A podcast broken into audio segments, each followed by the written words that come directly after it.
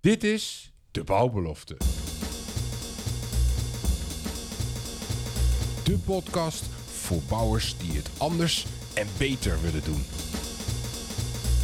Met altijd een frisse kijk en dwarse blik. Arjan Tullintunnel. Anders en beter luisteraars, dat is waar we voor gaan met de Bouwbelofte podcast. Met weer een spraakmakende gast hier eh, aan de microfoon. Welkom Gert van Vught. Hallo, dankjewel. Nou, Gert, uh, in het dagelijks leven actief voor Sustainer. Hè? Daar gaan we straks nog over spreken.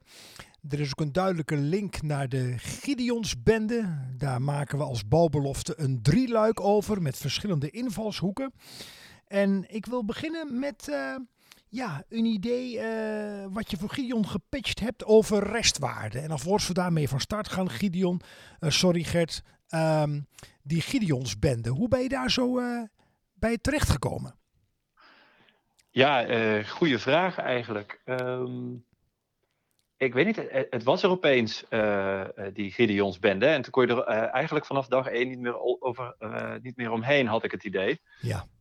maar ik denk dat ik via Norbert Schotten naar binnen ben, ben getrokken. Kijk. Um, uh, zoals wel meer, denk ik.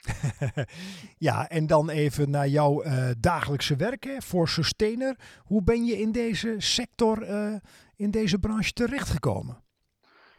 Ja, een beetje bij stom toeval. Ik heb helemaal geen achtergrond in de bouw. Ik heb een opleiding als sociologie gedaan aan de London School of Economics. nou, dan is de bouw niet meteen de eerste sector waar je aan denkt. Maar um, uh, je bent jong en je wil wat. Uh, ik, uh, ik dacht, technologie en duurzaamheid, dat zijn toch wel twee van de belangrijkste thema's van onze tijd. laten we nou eens technologie gebruiken om de wereld te verduurzamen.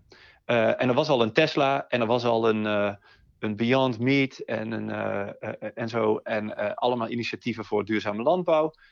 maar in de bouw, nou, daar bleef het echt helemaal stil. En ik had het daarover met drie vrienden. Nou, en niet geremd door voorkennis hebben we toen maar een, uh, een product bedacht. Een, uh, een woning als uh, product die uit de fabriek kon rollen. Met het idee dat we die helemaal duurzaam en circulair konden bouwen. zelfvoorzienend zelfs. nou, en die zouden we dan wel eens even aan de wereld tentoonstellen. En daarmee het, het probleem van de meest uitstotende sector ter wereld op te lossen. Kijk, um, dat is nog eens nou, een ambitie. Dat, ja, nou, dat viel tegen. Uh, dus inmiddels zijn we acht jaar verder uh, en uh, hebben we het nog niet opgelost. Maar ben ik toch wel heel trots over wat we wel al hebben bereikt. Nou, ja. dat is goed om te horen, Gert. wat mij triggert is je studieachtergrond. Ik kom op de woorden technologie, duurzaamheid en sociologie. In, in, in welke mate helpt je studie je in, het, ja, in, in, in die drive om dan toch de wereld een beetje mooier te maken? Uh, ja, goede vraag. Ik weet niet.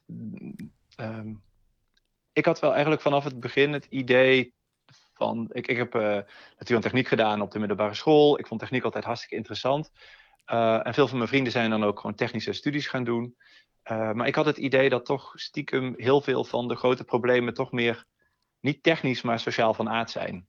Um, en dat merk ik eigenlijk nu nog steeds. Dat als ik nu kijk naar uh, wat er in de bouw moet gebeuren, in die, in die wende naar uh, industrieel en duurzaam bouwen, ja, dan is dat toch eigenlijk al lang geen echt technisch probleem meer. Dan is dat een sociaal probleem. Hoe krijg je mensen mee? Hoe ga je een verandering door? Hoe uh, overtuig je nou een sector die niet bekend staat om zijn pioniers en koplopers, om het toch helemaal anders te gaan doen? Nou, dat, is, dat zijn gewoon 100% sociologische problemen. Dus wat dat betreft was mijn theorie toen dat je het grote verschil kunt maken met mensen uh, en verstand van techniek. Ja, dat, uh, nou, dat, daar sta ik nog steeds wel achter. Mooie combinatie en uh, die gaat nog wel even terugkomen in deze podcast. Dank voor deze introductie. En nu is die ook wat beter te bevatten. Niet alleen voor mij, ik hoop ook voor de luisteraars.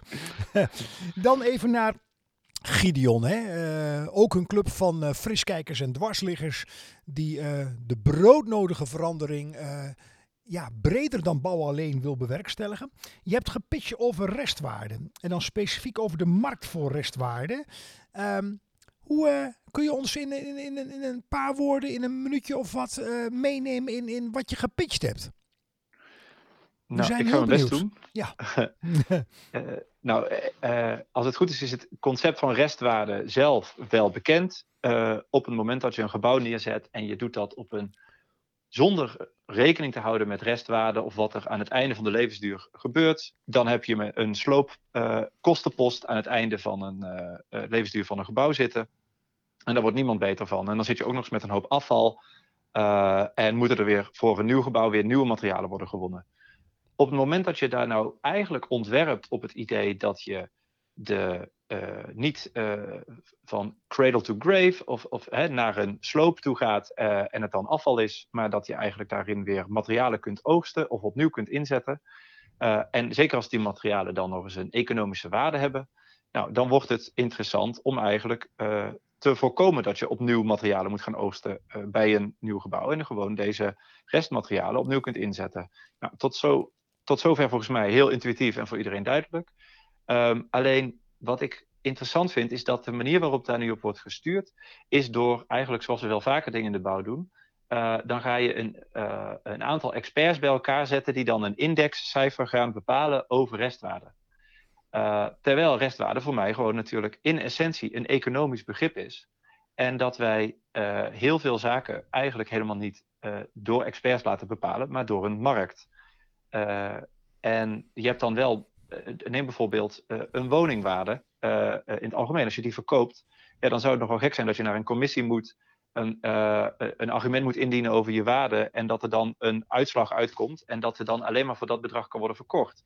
Er kan wel een makelaar zijn die een taxatie levert, maar uiteindelijk is het toch vraag en aanbod die bepaalt wat het doet. En ik dacht, eigenlijk wil je in die trant wil je met restwaarde gaan spelen. En dat kan. Er zijn al markten die werken met de waarde van wat iets in de toekomst gaat hebben.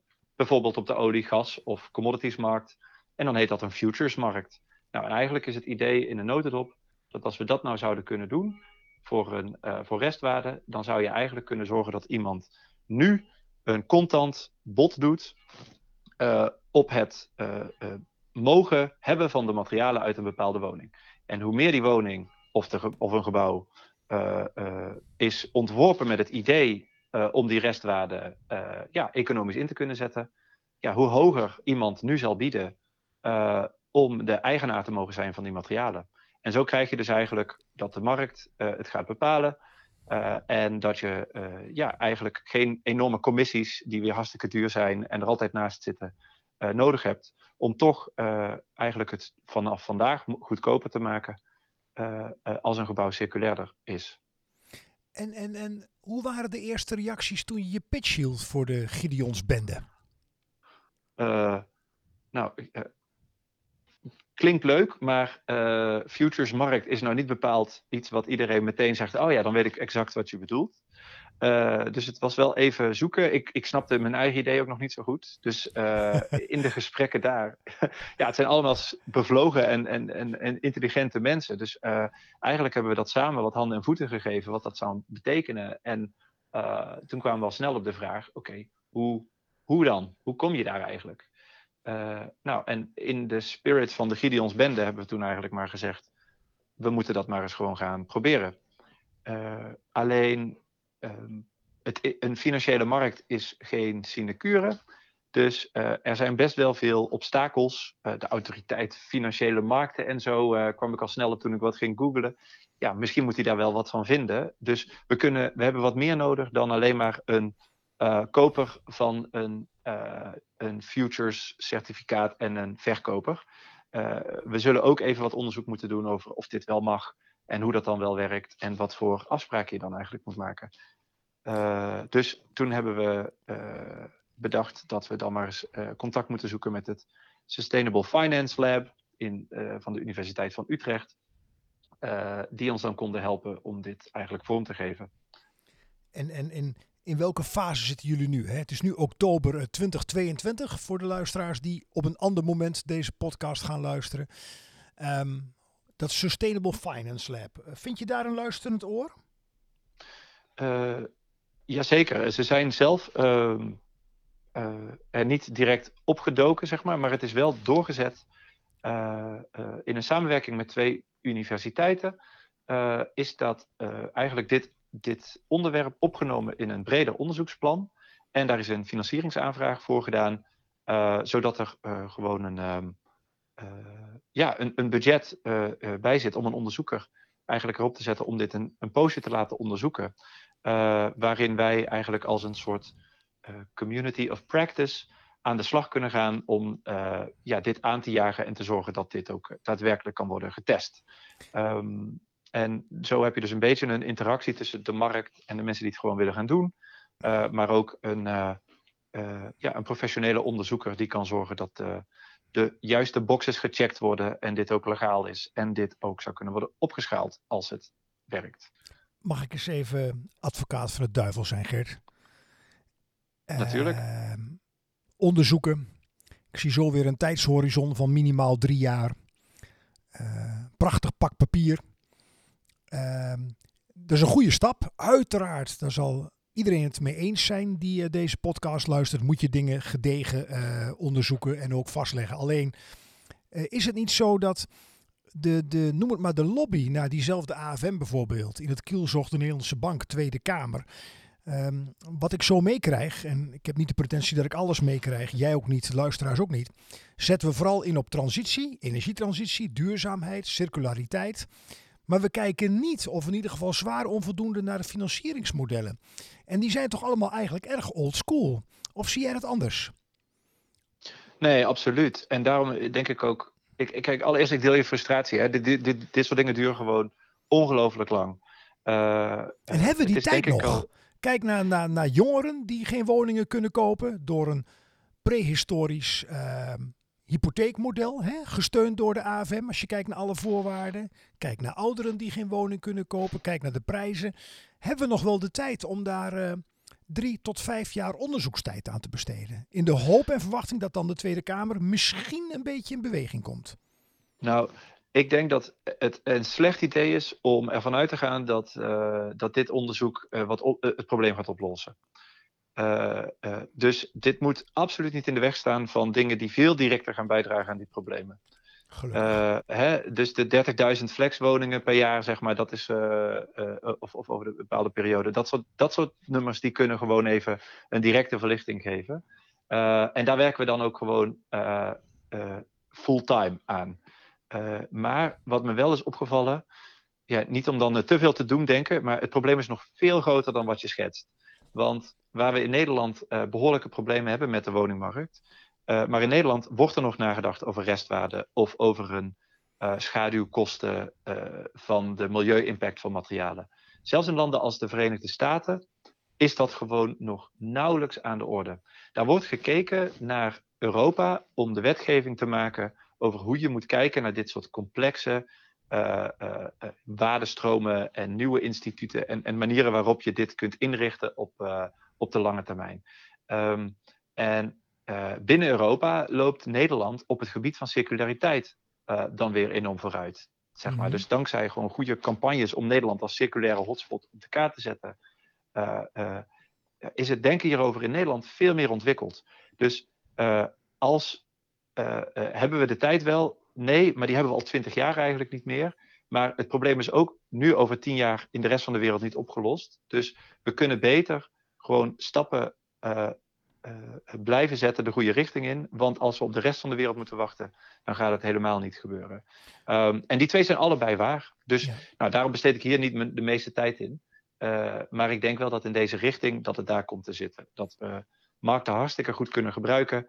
En minder moeten gaan uh, zorgen dat een overheid gaat, uh, dingen gaat waarderen of experts dingen gaan waarderen. Um, in die richting moet het gaan.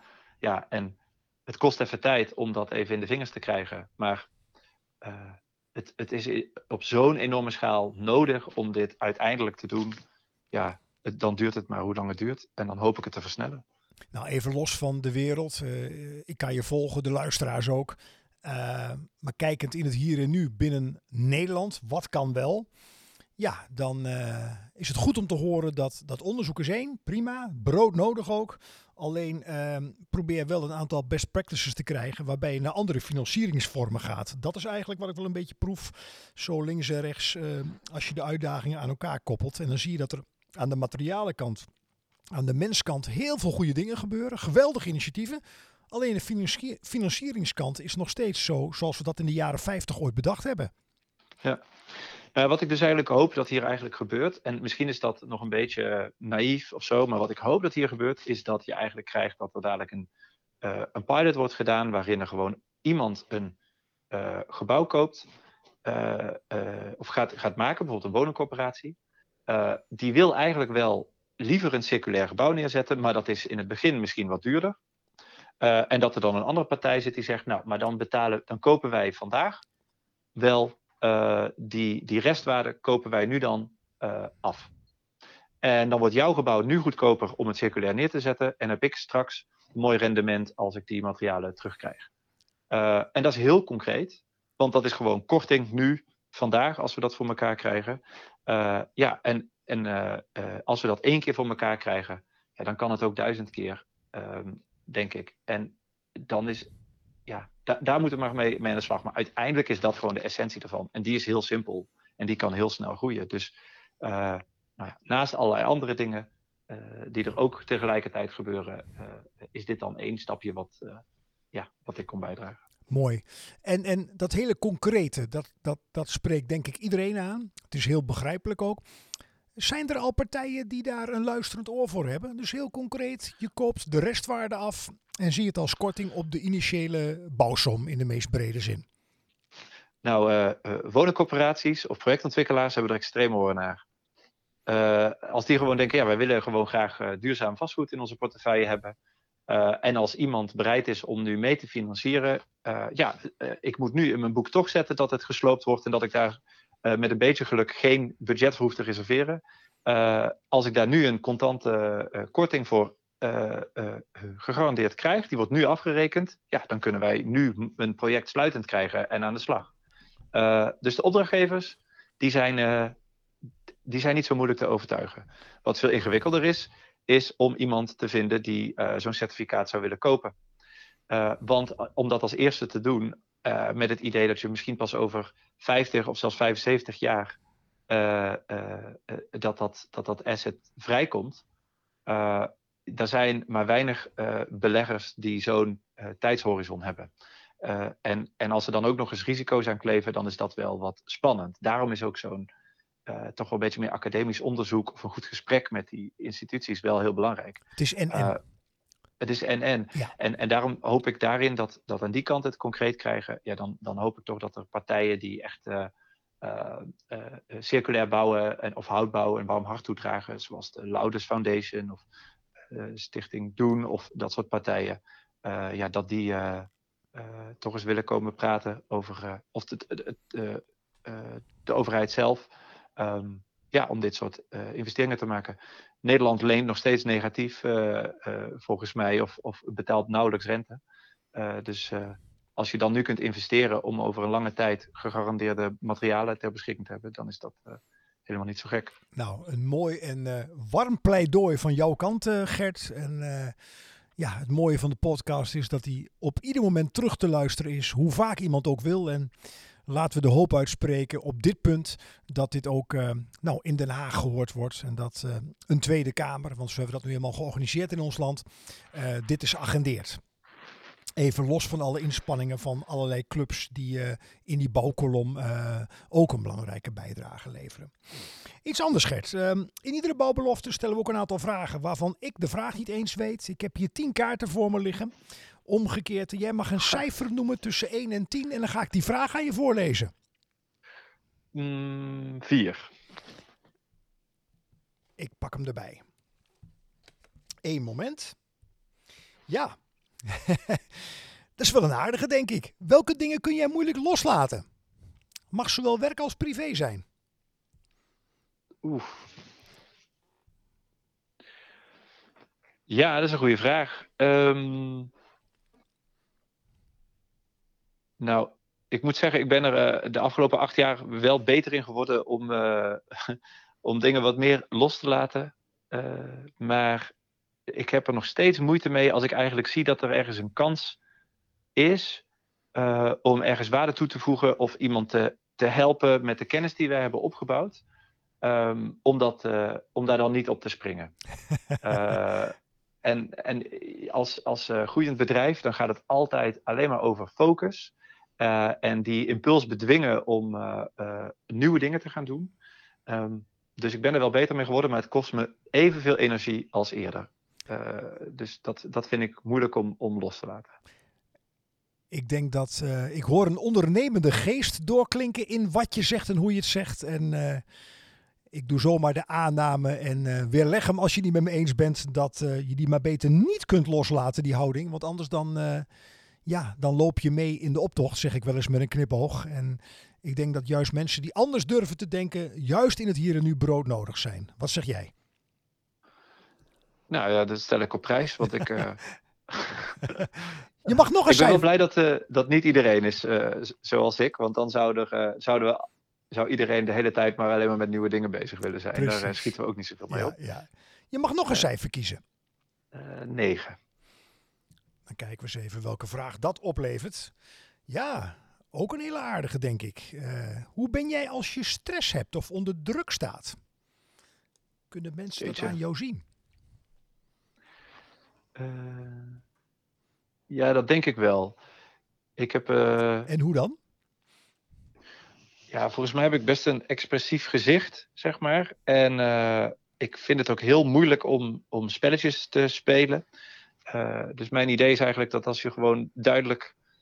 Dat ja, ik heb dat ook nooit geprobeerd te verbergen of zo. Als ik ergens uh, mee zit, of als ik iets heel leuk vind, uh, even goed. Of als ik iets heel vervelend vind, ja, dan, dan merk je dat. en dan is dat voor mij ook een uitnodiging om daar dan eens iets samen te vieren, maar of, of het samen uit te praten. Um, en dat helpt niet altijd, maar vaak wel. als het goed is, weet je dan een beetje wat je aan me hebt. what you see is what you get, roept het bij me op. Ja, al uh, ja. Oké. En uh, ja, ja, de, ja, ik denk het. Ja. ja. Nou, even terug naar uh, de uitdaging waar we voor staan. Daar zijn we ook deze bouwbelofte mee begonnen.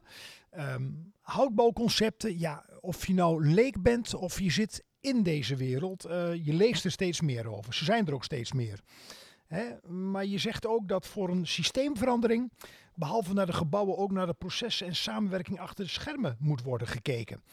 Um, ja, ik denk dat iedere luisteraar zegt, ja, dat is logisch. Uh, de vraag waar iedereen mee zit, hoe doe je dat dan? Welk, welk beeld heb jij daarbij? Uh, goeie vraag. Ja. Nou, ik, ik, ik weet niet of ik zomaar een hapklaar uh, antwoord ervoor heb. Nou, een poging in ieder geval. Tot, tot een, een lijn wat door een antwoord gaat leiden. Ja. Nu of op den duur. Um, nou, er zijn een aantal dingen die we hebben geleerd bij Sustainer over de, over de, laatste, over de laatste jaren. Uh, allereerst, als je naar de bouw kijkt, dan is als je nu gaat, het hebt over uh, proces, dan is eigenlijk. Heeft iedereen het over proces, maar gaat het eigenlijk niet over proces, het gaat over projecten. De bouw is een projectenbranche waarin mensen uh, werken aan een bepaald project. Um, en het, zijn, het zijn mensen die heel erg houden van dingen concreet maken. Praktisch maken. En dan wil je afspraken maken en je wil gewoon iets moois neerzetten. Op tijd, binnen budget, waar je later met trots op naar kunt terugkijken. nou, en die mentaliteit is heel erg sterk en heel erg goed. En die is ook gewoon hartstikke nodig, want gebouwen worden nu eenmaal in projecten gerealiseerd. Ja, dat snap ik. Ja. Alleen als je gaat kijken naar dingen als industrialisatie, of automatisering of robotisering, uh, dat botst een beetje met projectdenken. Want projecten hebben ook de natuur, los van dat ze mensen bij elkaar brengen met een helder doel, dat ze wispelturig zijn. Dat ze worden uitgesteld. Uh, dat het gaat tussen momenten van luwte en opeens kan dat omslaan naar enorme stress. Kijk maar naar hoe de, de, de crisis uh, stress uh, voor, net voor de bouwvak of net voor de kerst uh, er zit. Klopt. Um, nou, dat zijn in heel veel industrieën is dat veel minder het geval. en, en als je naar een industrieel proces kijkt, dan wil je een stabiele flow. dan wil je eigenlijk dat alles op een zo gelijkmatig tempo doorgaat. Want alles wat het boven het basistempo zit, ja, daar moet je op plannen. Daar moet je de, je machines op kunnen afstellen. En dat betekent dat ze de rest van de tijd dus onderbezet zijn. en dat is afval in een industrieel proces. oftewel onnodige kosten. En die twee, die botsen gewoon continu tegen elkaar. Dus Linkt dat ook voor jou aan samenwerking? Hè? Want je zegt processen en samenwerking achter de schermen. Of staat dat los van elkaar in jouw ogen? Als je mijn vraag begrijpt. Uh, wat bedoel je? Nou, je zegt, we hebben ook te kijken naar processen en samenwerking achter de schermen. Die processen mhm. snappen we.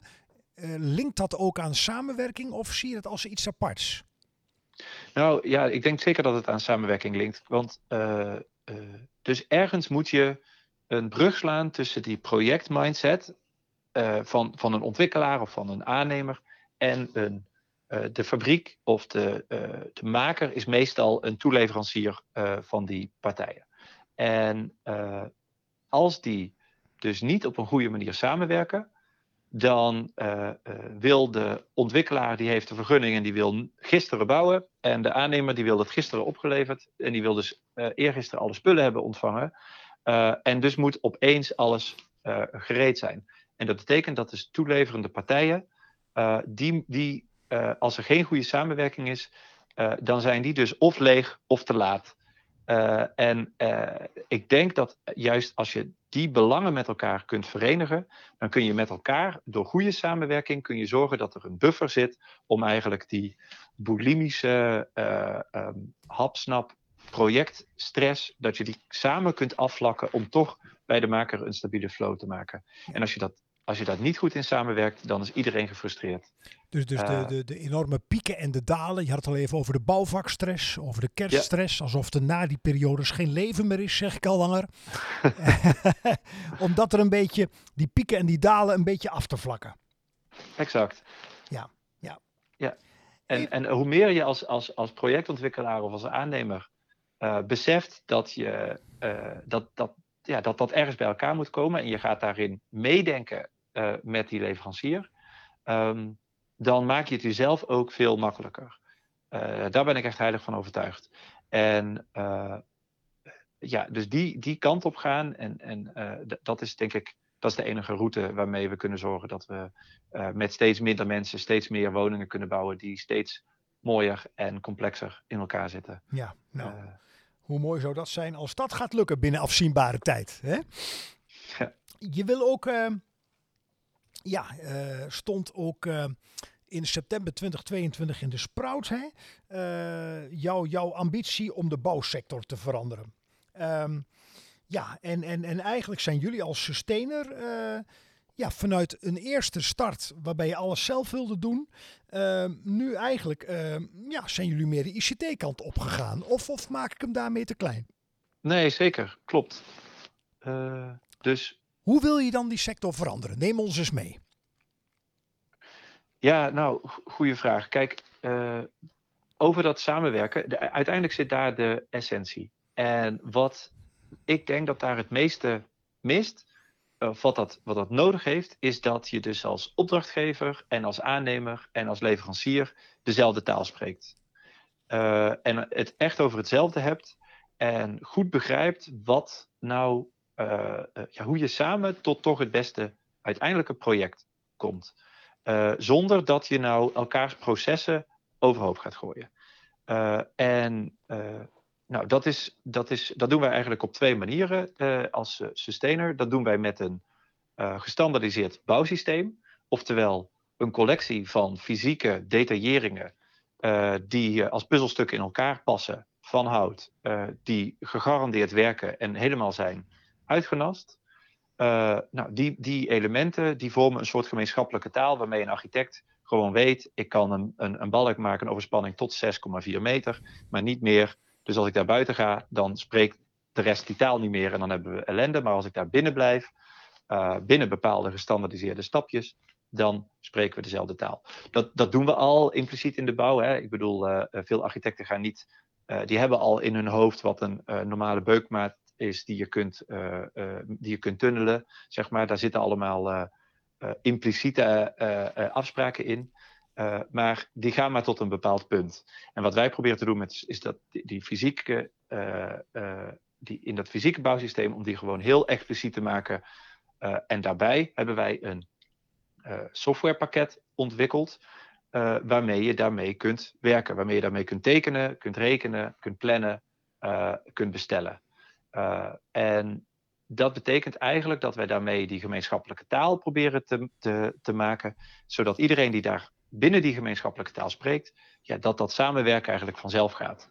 Um, en dat je dus veel makkelijker uh, rekening kunt houden met de belangen van, uh, van elkaar en daarmee gewoon met minder tijd en minder stress en minder herrie tot mooiere projecten komt. Is het een beetje het IKEA-principe of sla ik daarmee de plank mis?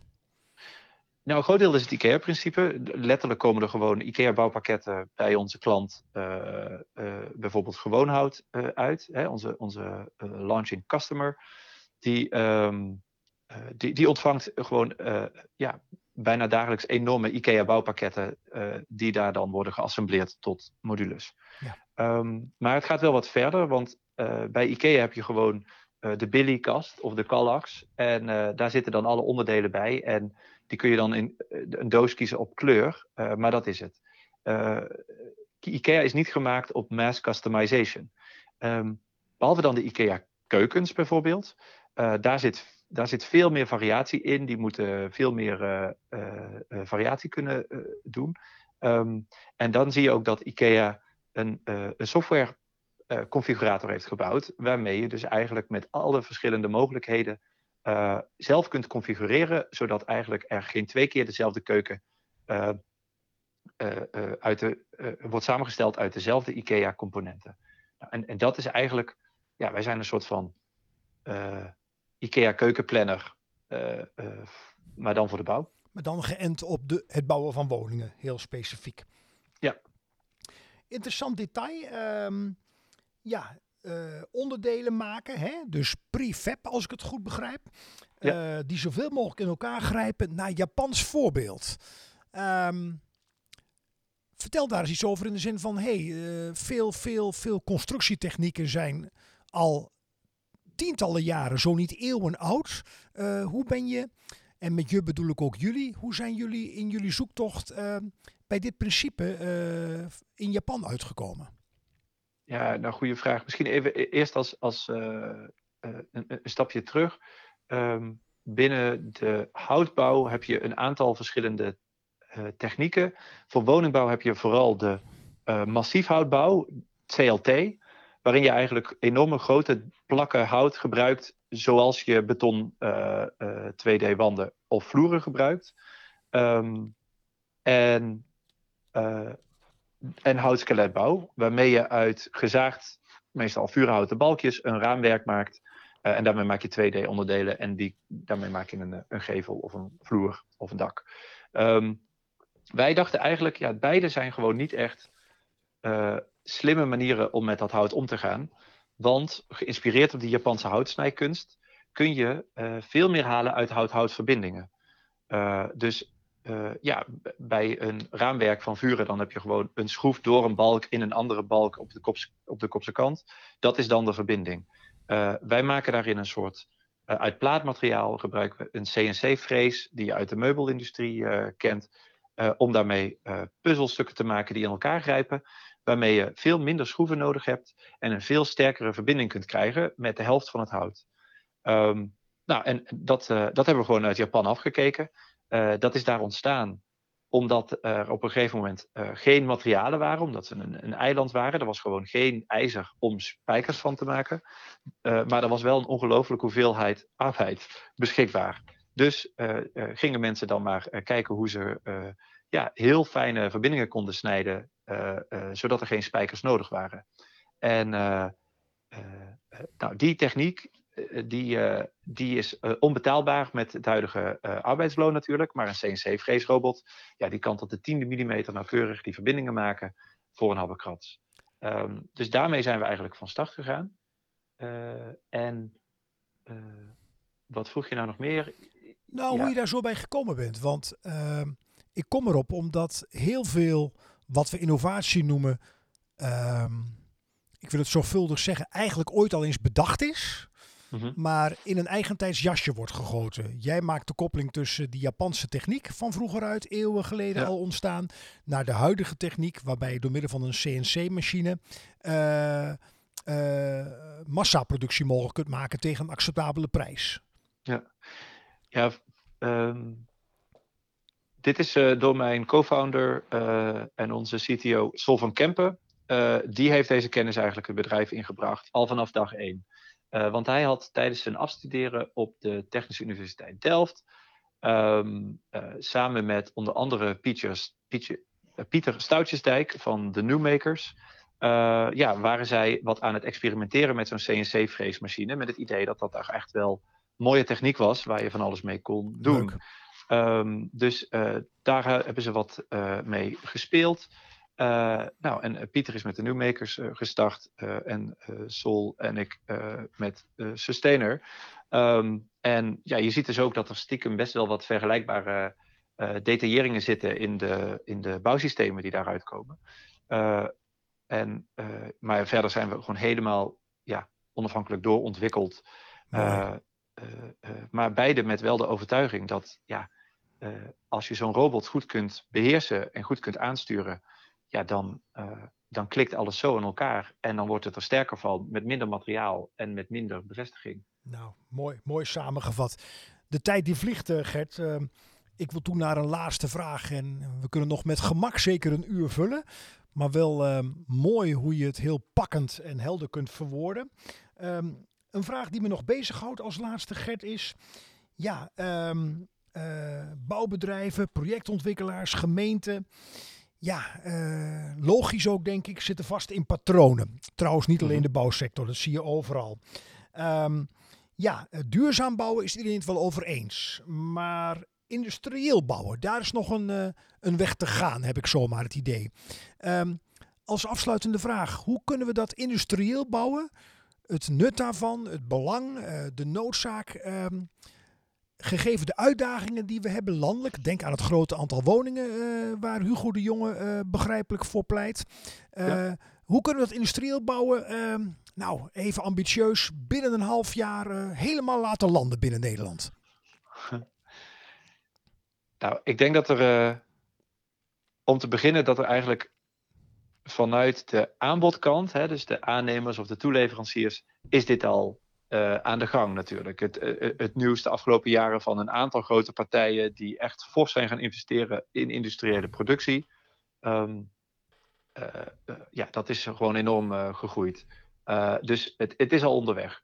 Ehm, de vraagkant en dan met name ook het maatschappelijk beeld ervan, eh, dat, dat leunt toch best wel vaak nog op het idee van dat je in een fabriek eh, producten maakt die er hetzelfde uitziet, zoals auto's, en dat wij in onze gebouwde omgeving niet allemaal in hetzelfde willen zitten. Het eenheidsworst-argument. Ehm, ja, nou, daar, daar kan ik me heel goed eh, wat bij voorstellen. En als je gaat kijken naar units of containers eh, en wat daarmee gemaakt is twintig jaar terug, ja, dan eh, eh, is dat gewoon vaak niet vrij. Ehm, alleen als ik nu kijk, nou, eh, wij proberen dat op te lossen door te zeggen: je hoeft niet te standaardiseren in je product, eh, in je fabriek. Eh, als je de juiste onderdelen hebt en die heb je juist gekozen, zodat je daar van alles mee kunt maken, eh, dan, hoef je, dan standaardiseer je in je proces, niet in je product. En dan kan elke woning net anders zijn hoe die de fabriek uitkomt. Net zo anders als eigenlijk de traditionele bouw. En zo zie je dan ook dat bijvoorbeeld de woningen die wij in, in Hengelo eh, hebben neergezet, de eerste rijwoningen samen met Koopmans en eh, Gewoonhout, ja, daarvan hebben de mensen die daar langs rijden, hebben helemaal niet door dat dat fabriekswoningen zijn. En dat zie je steeds vaker. Dus een heleboel woningen zijn al eh, industrieel gebouwd. Maar mensen hebben het niet in de gaten. En daarom denk ik ook, ja, misschien is dat hele, hoeven we de hele bevolking niet mee te nemen daarbij. De meeste mensen willen gewoon een woning. En ze willen dat die veilig is. En ze willen dat die eh, lekker warm is en een lage energierekening heeft. Eh, en er ook nog eens leuk uitziet. Ehm, en dat kunnen we al lang industrieel. En dat doen we al lang industrieel. Dus eh, zolang mensen die woningen blijven kopen, ja, dan, dan maakt het eigenlijk niet eens zoveel uit of mensen dan gaan vragen om meer fabrieken. Volgens mij lost dit zich wel op. Oké, mooi. mooi Gert, een, een heldere, bondige en ook waardige afsluiting van deze bouwbelofte. Ehm, we moeten er een eind aan breien Gert, hoe mooi de thema's ook zijn. Um, wil je hartelijk danken voor je inbreng. En uh, ja, veel succes. Plezier ook vooral. Met het nog meer laten landen van jullie gedachten. Uh, dank Gert van Vught van Sustainer voor deze bijdrage aan de Bouwbelofte podcast. Ik sluit af met de bekende woorden. Tot de volgende Bouwbelofte.